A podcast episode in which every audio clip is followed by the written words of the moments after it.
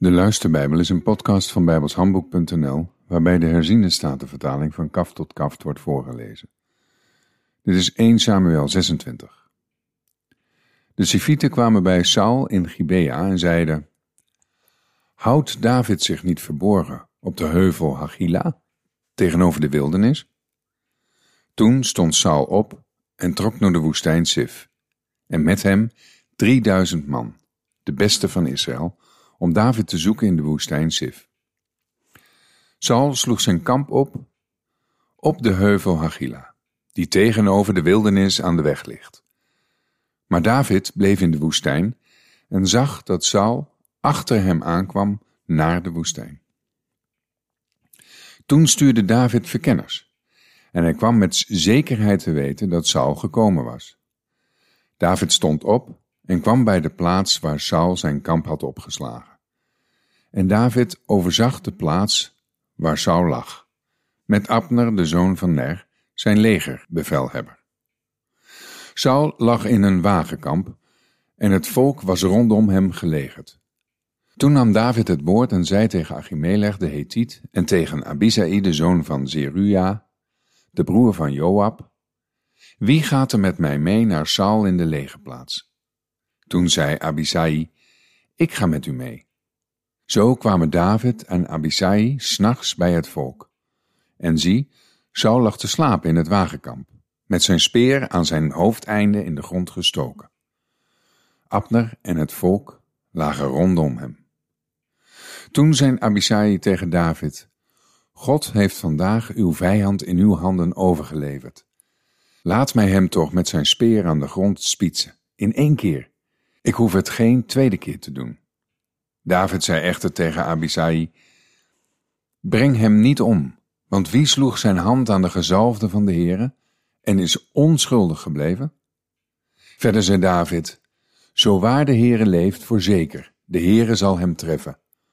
Of zijn dag komt dat hij sterft, of hij wordt weggevaagd als hij ten strijde trekt.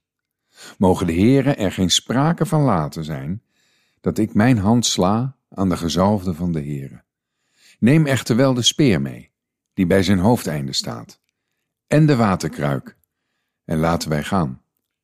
Zo nam David de speer en de waterkruik bij Sauls hoofdeinde mee, en ze gingen weg.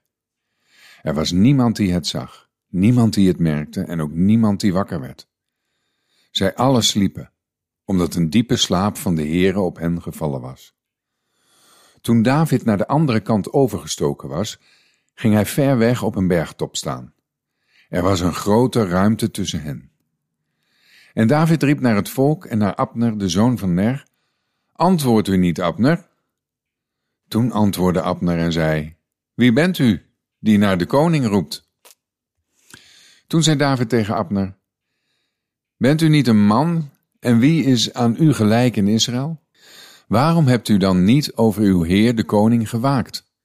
Er is namelijk iemand van het volk gekomen om de koning, uw heer, om te brengen. Wat u gedaan hebt is niet goed. Zo waar de Heere leeft, u bent des doods schuldig, omdat u niet over uw heer, de gezalfde van de Heere, gewaakt hebt. En nu, kijk waar de speer van de koning is, en de waterkruik die aan zijn hoofdeinde stond. Saul herkende de stem van David en zei, is dit jouw stem, mijn zoon David? David zei, Het is mijn stem, mijn heer de koning. Hij zei verder, Waarom achtervolgt mijn heer zijn dienaar zo? Wat heb ik toch gedaan? Wat voor kwaad heb ik bedreven? En nu, laat mijn heer de koning toch luisteren naar de woorden van zijn dienaar. Als de Heere u tegen mij opzet, laat hem dan de geur van een graanoffer ruiken. Maar als het mensenkinderen zijn, dan zijn zij vervloekt voor het aangezicht van de Heere, omdat zij mij deze dag verstoten, zodat ik mij niet bij het eigendom van de Heere kan voegen. En ze zeggen, ga heen, dien andere goden. Nu dan, laat mijn bloed niet op de aarde vallen, ver weg van het aangezicht van de Heere. Want de koning van Israël is erop uitgetrokken om enkel een vloot te zoeken, zoals men in de bergen op een patrijs jaagt.